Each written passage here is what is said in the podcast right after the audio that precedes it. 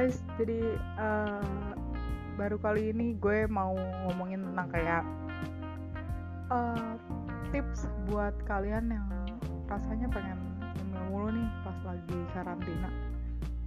Ah, uh, yang pertama adalah kalian uh, wajar gitu loh, kayak wajar aja. Kenapa wajar? Gue bilang karena pertama kalian gak sesibuk biasanya biasanya kalian uh, pagi-pagi udah ready to go cabut ke mana-mana gue sendiri gue biasa pagi-pagi jam 5 udah entah di mana gitu kan. Udah dihanta beranta gue.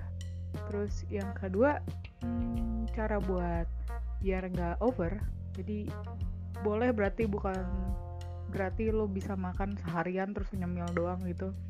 Karena uh, selain nanti bisa apalagi nyemilnya yang manis-manis kayak gue. Eh, selagi selain bisa naikin gula darah itu juga bisa bikin lo nggak produktif malah kan.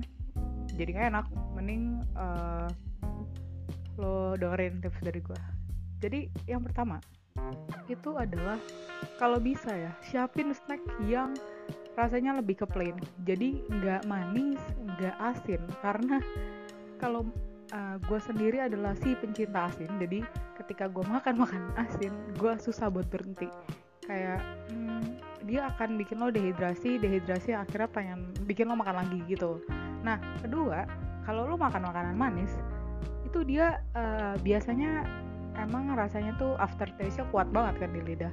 Di mulut gitu kayak masih ada aja tuh rasa manisnya kayak omongan mantan gebetan gitu kan. Terus tapi balik lagi ketika lo misalkan cemilan manis uh, biasanya 5 sampai 10 menit lo akan uh, craving sesuatu yang asin. Karena buat netralin si manis itu. Sama kayak tadi yang makan asin ketika habis lo makan makan asin biasanya lo pengen makanan manis buat uh, rasa si asinan tadi. Jadi saran gue siapin makanan kayak yang lebih snack-snack yang lebih plain.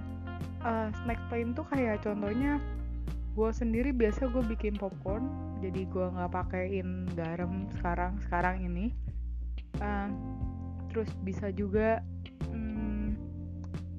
snack-snack yang kayak uh, apa ya punya rasa yang nggak terlalu strong gitu yang nggak banyak micinnya bisa juga dari buah-buahan karena manisnya bukan manis yang uh, lengket di tenggorokan. Jadi biasanya karena air putih sudah dia reduce gitu manisnya.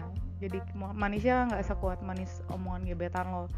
Jadi lebih nyantai gitu kan. Nah kedua uh, sibukin diri banyakin kerjaan jadi jangan diem aja. Karena lo kalau diem aja lo makin gak ada kerjaan. Makin pengen makan bawaannya. Nah ketiga um, selain sibukin diri ya lo tuh bisa nih uh, teleponan sama teman lo sama gebetan lo sama pacar lo terserah deh. Asal jangan sama pacar orang karena itu jadi urusan terus itu um, teleponan tuh sangat salah satu efektif banget buat gue buat nekan rasa pengen snacking gue karena kalau lagi pengen makan-makan snack ini kalau lo lagi nelpon itu rasanya udah seru banget. Apalagi udah ngomongin si ABC gitu kan. Rasanya tuh udah lupa gitu sama jam. Tiba-tiba dua jam lo ngobrol. Nah ketika waktu cepat berlalu lo juga uh, akan lebih cepat dan lebih dekat ke waktu-waktu makan besar seperti makan siang sama makan malam. Dan usahain uh, ketika lo makan siang memang makan makanan yang nutrisinya bagus.